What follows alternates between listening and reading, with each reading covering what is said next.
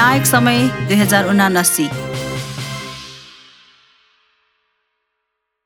नमस्कार। निर्णायक समय दुई हजार उनासीको पर्खाइमा बस्नुभएका तपाईँ सम्पूर्ण श्रोता तथा दर्शकहरूमा म कार्यक्रम सञ्चालिका नेहा शर्माको हार्दिक स्वागत तथा न्यानो अभिवादन। पोडकास्ट निर्णायक समय दुई हजार उनासी तपाईँ सामाजिक सञ्जाल Facebook Twitter YouTube SoundCloud Spotify र एप्पल पोडकास्ट मार्फत सातै प्रदेशमा हेर्न अनि सुन्न सक्नुहुन्छ। यो पोडकास्टको मुख्य उद्देश्य नेपाली जनताले नीतिगत विषयमा राखेका प्रश्नहरूमा विभिन्न राजनैतिक दलका नेताहरूसँग खुला बहस गर्नु रहेको छ। अब हामी आजको कार्यक्रमको सुरुवात गर्न गइरहेका छौँ। कुराकानीका लागि आजको हाम्रो विषय छ राजनीतिमा यौनिक तथा लैङ्गिक अल्पसङ्ख्यक समुदायको सहभागिता। यो विषयमा कुराकानी गर्न आजका हाम्रा अतिथि हुनुहुन्छ राष्ट्रिय प्रजातन्त्र पार्टीका महामन्त्री कुन्ती साई। यहाँलाई स्वागत छ कार्यक्रममा। धन्यवाद हजुर यस कार्यक्रममा हामीले सुरुवातमा विभिन्न जिल्लाबाट हाम्रा दर्शक र श्रोताहरूले राख्नुभएको जिज्ञासा र प्रश्नहरूबाट कार्यक्रमको सुरुवात गर्छौँ। हस्।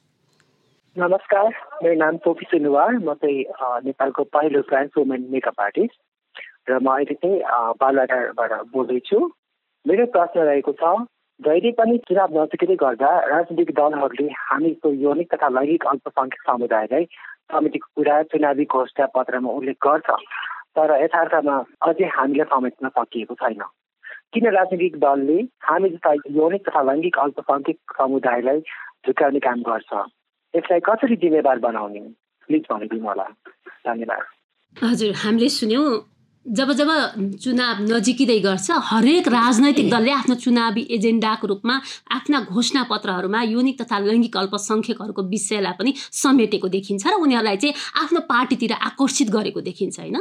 तर अन्त्यमा उनीहरू चाहिँ एउटा भोटर ब्याङ्कको रूपमा मात्रै प्रयोग हुन्छन् र राजनैतिक दलहरूले निर्वाचन पश्चात उनीहरूसँग गरेका ती प्रतिबद्धता र घोषणा पत्रमा उल्लेख गरेका ती विषयहरूलाई बिर्सिन्छन्। त्यो राजनैतिक दलको प्रतिबद्धतालाई चाहिँ अडिक राख्नलाई अथवा उनीहरूले गरेको त्यो प्रतिबद्धतालाई पुरा गर्नको लागि कस्तो खालको भूमिका खेल्न जरुरी होला? पक्कै पनि राजनीतिक दलहरूले चुनावका बेला गर्ने घोषणा पत्रहरू अहिले विगत लामो वर्षसम्म हामीले हेऱ्यौँ भने ती प्रतिबद्धताहरू घोषणा पत्रमा मात्र सीमित भएको हामीले पाएका छौँ। म पनि एउटा राजनीतिक दलको जिम्मेवारी व्यक्ति नै हुँ। अहिले झन् महत्त्वपूर्ण जिम्मेवारी मैले प्राप्त गरेको छु। घोषणा पत्रहरू जुन किसिमका मुद्दाहरू उठाइन्छ ती मुद्दाहरू नउठाइ उठाएका मुद्दाहरू प्रतिबद्धताहरू पुरा नगरेका राजनीतिक दलहरूलाई पटक पटक फेरि किन चुनावमा जिताइन्छ भन्ने मेरो प्रति प्रश्न पनि जनता या विभिन्न किसिमका जस जसका चाहना ती घोषणापत्रमा राखिएको थियो त्यो चाहना पुरा नभइसकेपछि चेन्ज गर्नुपर्छ परिवर्तन गर्नुपर्छ पहिलो। र यो किसिमको ढाड्ने राजनीतिले अब देश अगाडि बढ्न सक्दैन नागरिक अधिकार सम्पन्न हुन सक्दैन। प्रतिबद्धताहरू घोषणापत्रमा लेखेका मुद्दाहरूलाई एड्रेस नगर्यो भने समाज कहाँ रहन्छ यथास्थितिमै रहन्छ। त्यसले प्रगति गर्न सक्दैन त्यसले गति लिन सक्दैन विकास लिन सक्दैन। त्यसैले अब यो किसिमको प्रतिबद्धतालाई अडिग होइन कि कार्यान्वयन गर्नका लागि। ती प्रतिबद्धताहरू अर्कोचोटिको चुनावमा चार वर्षको या पाँच वर्षको चुनावमा दलहरू फेरि जनताको माझमा जाँदा ती पुरा भइसकेर नयाँ प्रतिबद्धता लगेर जाने वातावरण बनाउनु पर्दछ। त्यसका लागि नागरिकहरू सचेत हुने र राजनीतिक दलहरूमा पनि ती प्रतिबद्धताहरू ठग छाल छलछामको राजनीति अब चल्दैन है। र नागरिक अधिकारहरू यदि दलहरूले पुरा गर्न सक्दैनन् भने उसको नेता परिवर्तन गर्नुपर्छ। ठुलो दल सबै कुराहरू नागरिकले दिएर ठुलो दल बनाइदिने नेता बनाउने त्यसपछि मान्य बनाउने मन्त्री बनाउने कानुन लेख्ने बेला खोइ ती नागरिक अधिकारमा लेख्नु पर्दैन। त्यसैले स्वयं नागरिक पनि छुट्टिन जरुरी छ परिवर्तन हुन जरुरी छ मन मस्तिष्कबाट पनि। अब हामीले आफ्नो मतदान एकचोटि कसलाई दान मतदान गरेका थियौँ कसले पुरा गरेनन् अब त्यसलाई नदिएर अर्कोलाई दिउँ। हजुर। यहाँले भने जस्तो नागरिक सचेतना र खबरदारीका पाटो एकातिर छ भने आफ्नै दलभित्र पनि ती घोषणापत्रमा उल्लेख भएका कुराहरू पुरा भएनन् भने त्यहाँ पनि आवाज उठाउन चाहिँ जरुरी छ भन्नुभएको छ। हामी फेरि पनि अर्को प्रश्नतिर लाग्छौँ हजुर। नमस्कार म विनोद बेसी म यौनिक तथा लैङ्गिक अल्पसङ्ख्यक समुदायको प्रतिनिधित्व गर्दछु। हाल म रूपन्देही जिल्लाको भैरहदेखि बोलिरहेको छु। मेरो यो प्रश्न छ कि यौनिक तथा लैङ्गिक अल्पसङ्ख्यक यो देशका नागरिक हुन् कि होइनन्? यदि हुन् भने समा समानुपातिक समावेशीमा किन पुगेनन्? जस्तै दलित महिला मुस्लिम अपङ्गता भएका व्यक्तिहरू हरेकलाई समानुपातिक समावेशी छ भने यो समुदाय किन भएन? अर्को कुरो यो यौनिक तथा लैङ्गिक अल्पसङ्ख्यक समुदाय यो देशका नागरिक हुन् कि होइनन्? यदि यो देशका नागरिक हुन् भने यो समुदायलाई किन आफ्नो अधिकारबाट अथवा मानव हुनुबाट किन वञ्चित गरिएको छ? कस्तो छ भने उहाँले अलिक चोटिलो तरिकाले प्रश्न गर्नुभएको छ। हामी चाहिँ यो देशका नागरिक हो कि होइनौँ? यदि हो भने किन हाम्रो समानुपातिक सहभागिता लगायतका विषयमा चाहिँ कुराहरू सुनिँदैन होइन? दोस्रो संविधान सभा यताको अवस्था हेर्दाखेरि साठीभन्दा बढी चाहिँ युनिक तथा लैङ्गिक अल्पसङ्ख्यक समुदायले चाहिँ चुनावमा भाग लिएका थिए तर कसैले पनि जित चाहिँ हासिल गर्न सकेनन् होइन? यो समुदायलाई चाहिँ अब आउने चुनावमा उनीहरूको प्रतिनिधित्व बढी होस् भन्ने सवालमा उनीहरू चाहिँ बढी निर्वाचित हुन् भन्नको लागि चाहिँ कसरी उनीहरूको सिटलाई चाहिँ भनौँ न कसरी सुरक्षित गर्न सकेला? राजनैतिक दलले कसरी यसमा लबी गर्न सक्छ? विनोद विशीजीले राखेको जुन रूपन्देहीबाट राख्नुभएको छ असाध्यै एक मन छुने कुरा राख्नुभएको छ प्रश्न। नागरिक हुँ कि होइन भन्ने प्रश्न जन्मियो नि। म संविधान सभामा काम गरिराख्दा हिजोका दिनमा युनिक अल्पसङ्ख्यकका हक अधिकारका लागि सबैभन्दा दह्रो किसिमले सक्रियताका साथ मैले आफ्नो भूमिका निर्वाह गरेको थिएँ। पक्कै पनि त्यो भूमिका निर्वाह गरिरहँदा हामीले केही अधिकारहरू संविधानमा राख्न सफल पनि भयौँ। मलाई लाग्छ संविधानको धारा बयालिसको सामाजिक न्यायको हकमा त्यो संविधान राखेको छ। म केही छोटो रूपमा भन्न गएँ। जस्तै आर्थिक सामाजिक वा शैक्षिक दृष्टिले पछाडि पारेका महिला अघि उहाँले राखेको क्वेसन आदिवासी जनजाति मधेसी थारू मुस्लिम पिछडा वर्ग अल्पसङ्ख्यक किसान श्रमिक उत्पीडन वा पिछडेको क्षेत्रका नागरिक तथा आर्थिक रूपले विपन्न खस आर्यलाई सानुपातिक समावेशी सिद्धान्तका आधारमा राज्यका निकायमा सहभागिताको हक हुनेछ भनेर भन्यो होइन? अब यो किसिमले राखिरहँदा यो किसिमले जसरी संविधानमा राखियो त्यो संविधानमा राखेका कुराहरूमा हामीले अब अल्पसङ्ख्यक यौनिक अल्पसङ्ख्यकका कुरा पनि गऱ्यौँ। एड्रेस चाहिँ यी भएका आयोगहरू बनाएर संविधानमै राजनीतिक दलका कानुनमा एड्रेस भइसकेको अवस्था छ। अरू अल्पसङ्ख्यकहरूको महिलाको आदिवासी जनजाति मधेसीहरू उत्पीडनमा परेको पिछडिएको क्षेत्रको भइसकेको छ भने युनिक अल्पसङ्ख्यकको विषयमा प्रष्ट रूपमा आएको अवस्था भएन। त्यो कारणले गर्दा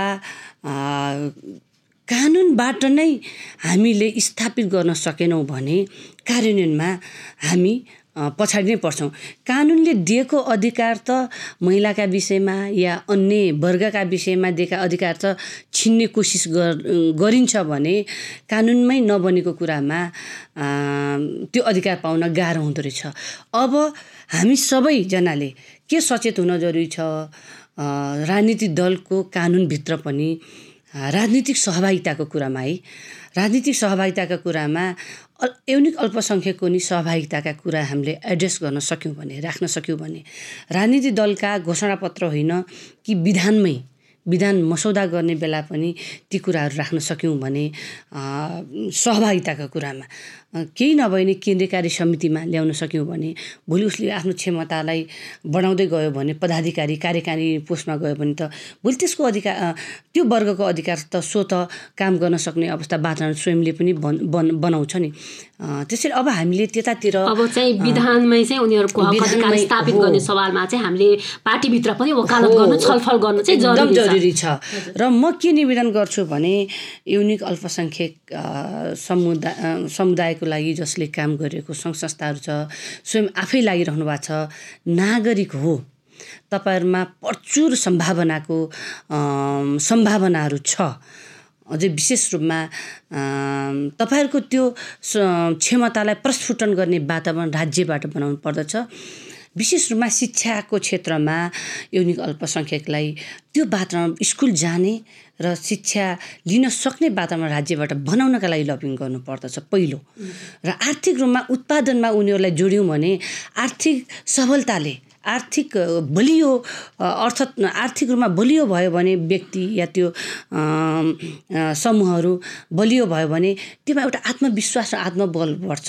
त्यो कारणले गर्दा सामाजिक क्षेत्रमा उसले आफ्नो क्षमतालाई प्रस्फुटन गर्न सक्छ। हजुर अहिले राजनैतिक अधिकारकै कुरा गर्दाखेरि राज्यले एउटा युनिक तथा लैङ्गिक अल्पसङ्ख्यकलाई छुट्टै पहिचान चाहिँ दिएको छ तर अझै पनि अन्य अल्पसङ्ख्यक समुदाय जस्तै यो समुदाय चाहिँ राजनैतिक अधिकार पाउनबाट चाहिँ वञ्चित देखिन्छ होइन? यहाँले विधानको कुरा चाहिँ गर्नुभएको छ। त्यो सँगसँगै राज्यका अरू नीतिगत कस्तो खालको व्यवस्था गर्न सकेको खण्डमा उनीहरू राज्यको त्यो नीति निर्माण तहसम्म चाहिँ पुग्न सक्ला। अघि मैले भने नि राजनीतिक दल सम्बन्धी कानुन छ हामीसँग।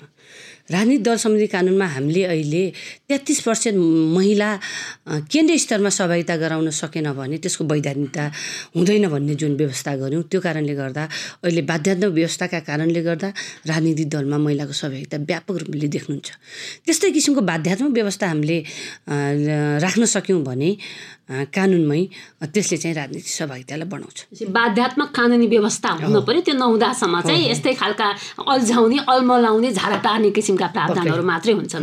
हजुर हामी फेरि पनि अर्को जिज्ञासातर्फ लाग्छौँ। हजुर। नमस्कार मेरो नाम वर्षा भेटर म चाहिँ हाल काठमाडौँ शान्तिनगरमा बसिआएको छु।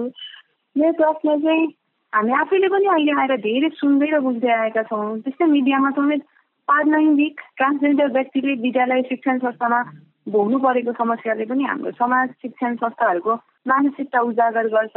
त्यस्तो विवेकजन्य व्यवहारलाई किन राजनीतिक दलहरूले कहिले पनि विरोध गर्दैन र यो समस्यालाई समस्या नै नमानेको पो जस्तो गर्छ? धन्यवाद। हजुर यो पारालैङ्गिक समुदायलाई हामीले देखि नै राखेका छौँ जब विद्यालय कलेजहरू जाँदाखेरि पनि लगाउने ड्रेसदेखि पनि के गर्ने भन्ने सवालमा एकदमै दुविधा र एउटा असजिलो परिस्थिति हुन्छ। त्यसै गरी बिरामी भएर जब स्वास्थ्य संस्थामा जाँदाखेरि पनि महिलाको लाइनमा बस्ने कि पुरुषको लाइनमा बस्ने कि किनभने त्यहाँ उनीहरूको लागि व्यवस्था हुँदैन। शौचालयको समस्या त्यत्तिकै छ भने यो खालका विभिन्न समस्याले गर्दा उनीहरू समाजमा आफ्नो अधिकारको लागि आफूले संविधानले ग्यारेन्टी गरेको शिक्षा स्वास्थ्य सम्बन्धी जुन मौलिक हक अन्तर्गत राखेको व्यवस्थालाई उपभोग गर्नबाट पनि वञ्चित छन्। हो। त्यसैले अघि मैले के भने नि यो नितान्त राजनीतिक दलहरूले अब यसमा आफ्नो काम पनि सुरु गर्नुपर्छ राज्यलाई दबाब दिने। राज्यहरूले अघि मैले भने स्थानीय सरकारसँग अहिले शैक्षिक संस्थाहरू जोडिएको छन्। त्यसपछि प्रदेशसँग या सङ्घसँग जोडिएका शैक्षिक संस्थाहरूमा पारा लैङ्गिक समुदायहरू त्यो ठाउँमा गएर अध्ययन गर्ने वातावरण बनाउने के के चिजले अवरोध गरेको छ? अघि भन्नुभयो ड्रेसको कुरा शौचालयको कुरा त्यहाँ अन्य बालबालिकामा भएको मानसिक बुझाइको बुझाइ भनौँ न मानसिक भन्दा बुझाइको कुरा उहाँहरूप्रतिको बुझाइको कुरा त्यो सबै कुराहरू वातावरण मिलाउने भनेको राज्यबाट त्यो नियमहरू नीति नियमहरूमा आउनुपर्छ नीति निर्माण गर्ने बेला हामीले प्रेसर गर्नुपर्छ। त्यो लबिङ अघि नै मैले भनेपछि स्वास्थ्यमा पनि त्यही किसिमको लबिङ गर्नुपर्छ। अब उहाँहरूलाई यता जाने कि उता जाने भन्दा उनीहरूको आफ्नो पहिचान भइसकेपछि पहिचानको लागि पनि छुट्टै एउटा के अरे लाइन त हुनु पऱ्यो नि। त्यो व्यवस्था राज्यको नीतिमै आउनु पऱ्यो नियमहरूमै आउनु पऱ्यो होइन? कार्यान्वयन हुनु पऱ्यो बिस्तारै हामीले आफ्ना संरचनाहरू पनि हिजोका दिनमा अपाङ्गहरूलाई जसरी व्हिल चेयरहरू जान सक्ने अवस्था नभएका संरचनाहरू हुन्थे त्यस्तै महसुस गरेर अब उहाँहरूका लागि त्यो किसिमको संरचना बनाउनेतिर राज्यको नीतिमा नै हामीले हिट गर्नुपर्छ र दलहरू हुन्। त्यो दलहरूबाटै जाने हो। जहाँ जाने पनि जहाँ जाँदा पनि होइन मान्य हुने पनि दलहरूबाटै हो। मन्त्री हुने पनि त्यही दलहरूबाट सरकार चलाउने पनि त्यही दलहरूबाट हो। त्यसैले दलहरूमा अब त्यस्ता व्यक्तिहरूसँग गर्नु पर्यो तपाईँहरूले। जुन व्यक्तिहरूले यस्ता मुद्दालाई उठान गर्न सक्ने व्याख्या गर्न सक्ने र कन्भिन्स गर्न सक्ने त्यस्ता व्यक्तिहरूसँग पनि आफ्ना आवाजहरूलाई त्यहाँसम्म पुर्याएर रानी दलभित्रै पनि ती आवाजहरूलाई उठाउने र कार्यान्वयन हुनका लागि सरकारसम्म लबी गर्नु पर्यो। हजुर यहाँले भने जस्तो यो खालको अवस्थालाई नीतिगत सँगसँगै मान्छेको मानसिकतामै परिवर्तन ल्याउन चाहिँ कस्तो खालको दलले भूमिका खेल्नु पर्ला? अघि मैले भने दलले आफै भूमिका खेल्न नसकेको अवस्था हो नि त अहिले। होइन? दललाई भूमिका खेल्ने बनाउने कसरी भन्ने हो? त्यसैले दलभित्र मानस यो यो समुदायलाई हेर्ने दृष्टिकोण परिवर्तन गर्नका लागि हामीले उहाँहरूलाई चाहिँ यो विषयमा धेरै कुराहरू जानकारी गराउनु पर्ने अवस्था रहन्छ। कन्भिन्स गर्नुपर्ने हुन्छ। कहिलेकाहीँ ए होइन नि। के यो विषय नि विषय हो र भन्ने हुन्छ तर होइन। अघि तपाईँले भने जस्तै यो विषयका समुदाय यो यो विषय भनेको हाम्रो विषय हो हाम्रो समाजको विषय हो नागरिक अधिकारको विषय हो। कोही पनि नागरिकहरू आफ्नो नागरिक अधिकारबाट वञ्चित हुनु हुँदैन भन्ने मान्यता पहिला लिडरसिपमा आउनु पर्यो जो व्यक्ति म नेता बन्छु नेतृत्व गरिरहेको छु भन्छ त्यो नेतृत्वले हरेक इस्युहरू हरेक मुद्दाहरू विशेष किसिमले विश्लेषण गर्ने र कार्यान्वयन गराउनका लागि भूमिका सचेत गराउनका लागि हामी यो समुद स्वयं यो समुदायका व्यक्ति सचेत व्यक्तिहरूले पनि अ, राजनीतिक दलका व्यक्तिहरूसँग छलफल बढाउ गर्नुपर्ने आवश्यक मैले देखेको छु। सङ्घ संस्थाहरू काम गरिराख्नु भएको सङ्घ संस्थाले पनि राजनीतिक दलका त्यस्ता व्यक्तिहरू जसले यो मुद्दाहरूलाई विशेष किसिमले हेरिरहेका छन् आवाज उठाइरहेका छन् छन् हिजोका दिनमा म संविधान सभामा काम गरिरहँदा केही साथीहरू हामीहरू विशेष रूपले यो मुद्दालाई उठान गर्थ्यौँ। हरेक हरेक उमा कुनै पनि यस्तो नागरिक अधिकार आयो भने यौनिक अल्पसङ्ख्यकका विषयहरू हामीले उठाउँथ्यौँ छोड्थेनौँ। उठाउँदा उठाउँदै पनि सम्बोधन नभएको अवस्था पनि त छ नि। किनभने हाम्रो शक्ति त्यहाँ पूर्ण त्यो सम्बोधन गर्न सक्ने हामीसँग त्यो सामर्थ्य भएन छ। यसको? लागि उनीहरूले नेतृत्व तहमा भयो भने उनीहरूले। आफ्ना नीतिगत कानुनी कस्तो व्यवस्था हुनुपर्छ भन्ने कुरामा उनीहरूले आफै पनि आवाज उठाउन सक्रिय हुन्थ्यो हो त्यसैले त्यसैले सहभागिता अघि मैले भनिसकेँ अल्प के अरे अल्पसङ्ख्यक ल्याउ यौनिक समुदायका साथीहरूको पनि सहभागिता अब सक्रियता अझै सक्रियता राजनीतिमा सक्रियता बढाउनु पर्यो आफूलाई आफ्नो क्षमतालाई अभिवृद्धि गर्दै लिड लिडर बन्नु पर्यो के? जति मैले आवाज उठाएको आवाज सुनि सुन नसुन्न सक्ने हुन्छ स्वयं नेतृत्वमा तपाईँहरू आएर उठाएको आवाज त बाध्य भएर सुन्न सक्नुपर्ने हुन्छ नि। होइन र अर्को कुरा एउटा मानसिकताबाट पनि हामी बाहिर आउन के जरुरी छ भने जसको मुद्दा हो उसले मात्र उठाउनु पर्छ भन्ने फेरि मेरो त्यो होइन। त्यो त्यो हुँदा तर उनीहरू स्वयं पनि भयो भने बढी प्रभावकारी बढी। प्रभावकारिता मात्र हुन्छ। हजुर हामी फेरि पनि अर्को जिज्ञासातिर लाग्छौँ। हेलो हजुर नमस्ते। मेरो नाम चाहिँ सङ्गम लिम्बू। धरान सुनसरी जिल्ला धरान नगरपालिका धरानबाट बोलिरहेको छु।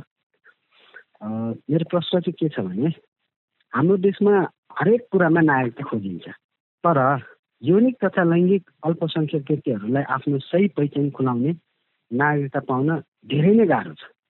अथवा भन्नुहोस् कि त्यो कुरा नपाउने बराबर हो। एकातिर समानताको कुरा गर्ने अर्कोतिर नागरिकता नदिने अनि रोजगारीको लागि फेरि नागरिकता नै चाहिने। यो कसरी सम्भव छ त? नागरिकतामै आएर चाहिँ ठोकियो फेरि अर्को प्रश्न होइन? एकातिर कस्तो छ भने नागरिकता नपाउने समस्या एकातिर छ जसले नागरिकता नभएको कारणले उनीहरू धेरै सेवा सुविधा लिनबाट वञ्चित छन्। हामीले अघि पनि भन्यौँ। तर जति व्यक्ति केहीले पाउनु भएको छ ती नागरिकता पाएका व्यक्तिहरू पनि अन्य नीतिगत व्यवस्थामा चाहिँ यो अन्य यौनिक तथा लैङ्गिक अल्पसङ्ख्यकहरूको नीतिगत व्यवस्था नहुँदा ती नागरिकता पहिचान सहितको नागरिकता लिएका व्यक्तिहरू पनि त्यसैमा अलपत्र परेको अवस्था छ कि? किनभने एउटा दुई चारजनाले नागरिकता त पाए तर अन्य व्यवस्थामा ती समुदायलाई काहीँ पनि एड्रेस गरेको पाइँदैन। त्यसले गर्दा नागरिकता लिएका व्यक्तिहरूले पनि त्यो रोजगारी पाउनबाट वञ्चित देखिन्छन्। यो दुईवटा कुरालाई कसरी हामीले तालमेल मिलाउन सकिन्छ? एउटा नागरिकता दिलाउने सवाल र नागरिकता लिइसकेपछि ती व्यक्तिहरूलाई चाहिँ पहिचान सहितको चाहिँ अन्य जिम्मेवारी दिने सवालमा चाहिँ दलहरूको भूमिका फेरि पनि निर्णायक हुन्छ। पक्कै पनि। दलहरूको भूमिका त हरेक कुरामा निर्णायक हुन्छ। नाइजा केही साथीहरूले पाउनुभएको छ मलाई पनि जानकारी छ होइन? उहाँको पहिचानसहितको नागरिकता प्राप्त गर्नुभएको छ। रोजगारीको क्रममा होस् अन्य क्षेत्रमा जाँदा पाएको त्यो पहिचानबाट अवरोध भयो भन्ने प्रश्न हो। त्यो अवरोध हुनु हुँदैन। एउटा पहिचानै नपाएको। ठुलो समुदाय छ उसले पहिचान। पाउनु पर्यो नागरिकता लिन पाउनु पर्यो। पहिलो मूलभूत कुरा तर जतिले पाउनु भएको छ उहाँहरूको त्यो पहिचानको पनि अन्य निकायहरूमा चाहिँ सदुपयोग हुन पर्यो पहिचानसहितको नागरिकता दिने तर अन्य क्षेत्रमा चाहिँ नीतिगत व्यवस्था गर्दा त्यो समुदाय भन्ने उल्लेखै नगरेपछि त फेरि पनि महिला र पुरुष भन्ने मात्रै कुरा अन्य प्रावधानमा भएपछि। त्यो नागरिकताको प्रयोग भएन नागरिकता प्राप्त नगरेका साथीहरू नागरिकता लिनका लागि जानु पर्यो। नागरिकता कहाँनिर दिँदै दिन मिल्दैन भन्ने प्रश्न आउँछ। त्यसपछि उहाँहरूको पहिचानसहितको नागरिकता दिलाउने कामहरू गर्न सक्ने अवस्था छ अहिले होइन? तर नागरिकता प्राप्त गरेकै आधारमा जुन रिजर्भ पुरुष र महिला भन्ने अब कहाँ जाने त? अब उहाँहरूको लागि पनि व्यवस्था हामीले दलहरूले पनि लबिङ गरेर कानुन बनाउने बेला एकछिनलाई लोकसेवामा केही खरदारहरू या सुब्बाहरू खुल्यो एकछिनलाई मानिस अधिकृत खुल्यो। त्यो समुदायको पढेको साथीहरू हुनुहुन्छ। महिलाको लागि एकछिनलाई मानुस अदालतमा कानुनी अधिकृतको लागि महिला छवटा कोटा पुरुष तिनवटा कोटा भने खुल्यो। अब त्यो साथीहरू कहाँ जाने कहाँ जाने? अब। पहिचानसहितको हो, नागरिकता लिएर कहाँ जाने? हो। त्यसैले अघि मेरो पनि जोड केमा हो भने अब यो समस्या आइसकेपछि अब राज्यसँग हामी आफ्नो अधिकारका लागि माग गर्नु पऱ्यो कि? सम्बोधन गराउनका लागि हामी अब दलहरू दलहरूलाई पनि ती माग भएका समस्याहरूका विषयमा अवगत गराउनु पर्यो त्यसमा छलफल गराउनु पर्यो हामी नागरिक भएर बाँच्नै नसक्ने अवस्था हामीलाई सिर्जना भयो। हामी यति सङ्ख्यामा भएका समुदायहरू राज्यले हामीलाई बाँच्न नदिने भयो। नागरिक भएर बाँच्ने व्यवस्था अवस्था सिर्जना गर्नका लागि दलहरूसँग पनि गएर मागहरू राखेर छलफल गरेर आफ्ना सक्रियता दलहरूभित्र गर्नु पर्यो एक। अर्को राज्यको निकाय। मान्नेहरू जो नीति निर्माण गर्नका लागि मान्नेहरू बस्नु मान्यज्यूहरू व्यवस्थापिका का साथीहरू हुन्छ मान्यज्यूहरूसँग पनि विभिन्न दलका केही यो मुद्दालाई हाम्रो मुद्दा हो भन्ने साथीहरू पनि हुन्छन् नि त जस्तै म जस्तै मान्नुहोस् सबैले यसलाई चाहिँ सिरियसली नलिन सकिदिन्छन्। तर त्यस्तो साथीहरूलाई पहिचान गरेर तपाईँहरूले दलभित्रका मान्यज्यूहरूको एउटा समूहलाई यो विषयमा आफ्ना मागहरूका विषय छलफल गर्नुहोस्? हामीले नीतिगत कानुनी व्यवस्था त पहिचानसहितको नागरिकता दिने भन्ने खालको सर्वोच्चको आदेश पनि हामीसँग त छ होइन? तर व्यवहारमा फेरि पनि लिन जाँदा त कठिनाइ पनि त बिहोरिरहेका छन् नि। हो त। कठिनाइ छ। सर्वोच्चको आदेशले गर्दा त साथीहरूले नागरिकता पाइसक्नु भएको छ।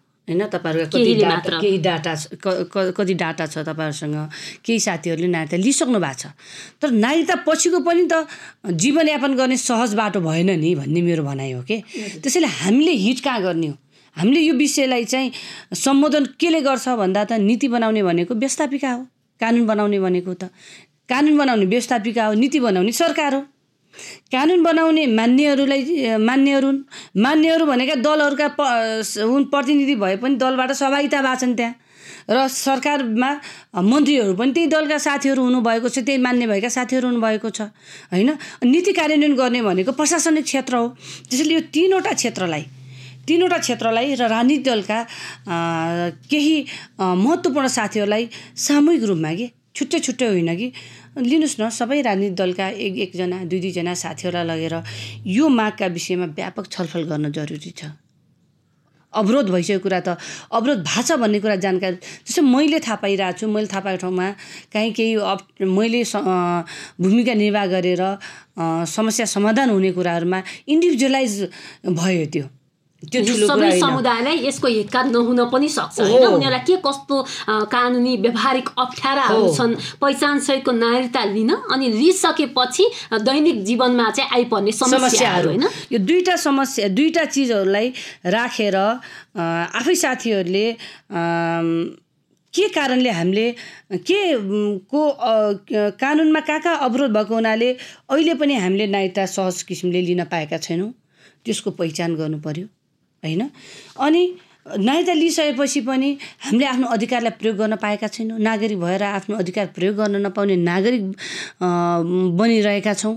त्यो त्यो त्यो पहिचान अवरोधका पहिचानहरूलाई चाहिँ बुदागत रूपमा राजनीतिक दलभित्र छलफल गराउने वातावरण गर्नु पर्यो मान्नेहरूसँग छलफल गर्ने वातावरण गर्नु पर्यो मन्त्रीहरूसँग छलफल गर्ने वातावरण गर्नु पर्यो प्रशासनिक क्षेत्रका केही महत्त्वपूर्ण व्यक्तिहरूसँग गृह प्रशासनका व्यक्तिहरूसँग विशेष रूपमा छलफल गर्नु पर्यो सामाजिक क्षेत्रमा काम गरेका केही प्रबुद्ध वर्गहरूसँग छलफल गर्नु पर्यो होइन नागरिक समाजका छन् भने पनि तिनीहरूसँग छलफल गर्नु पर्यो स्थानीय तहका तहका प्रतिनिधिहरूसँग छलफल गर्नु पर्यो यसरी हामी तुरुन्त हस्तक्षेपकारी भूमिका हामीले गर्न सकेनौँ भने फेरि सधैँ यो इस्यु चाहिँ उठाइराख्ने सम्बोधन नहुने अनि चर्चामा मात्रै उयो हामी आएर यस्तै बहसमा मात्रै भ्रमाउने कुरा ठिक हुँदैन।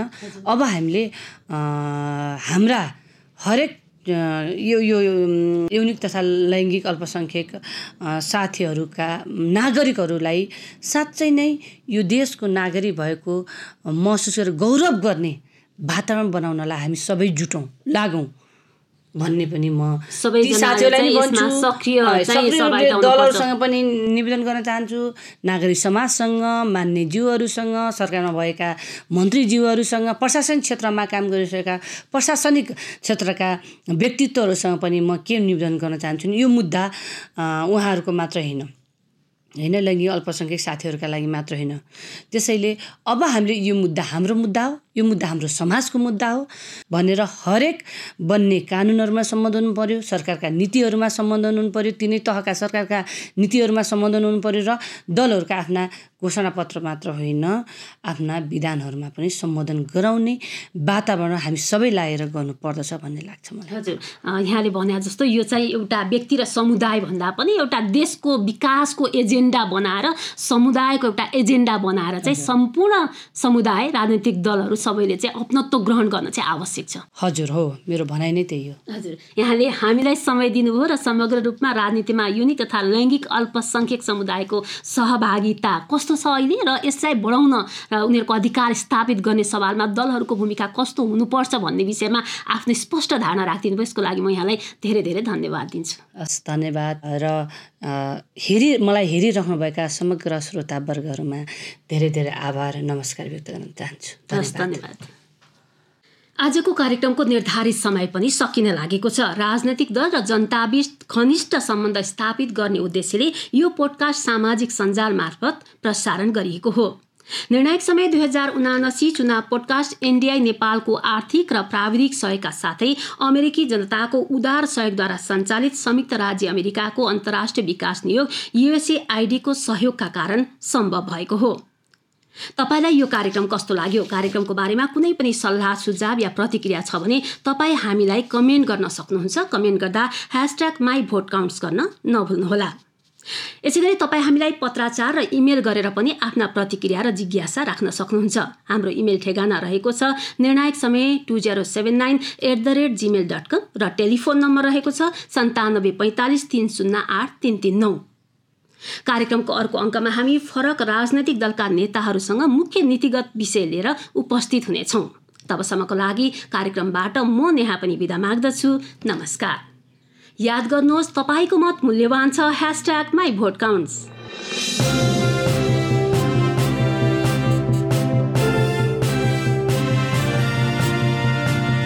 निर्णायक समय दुई हजार उनासी। All team members are fully vaccinated and have followed COVID 19 safety protocols during the production of this podcast. The team wore face masks and maintained social distance at all times, while also limiting the number of people in the studio.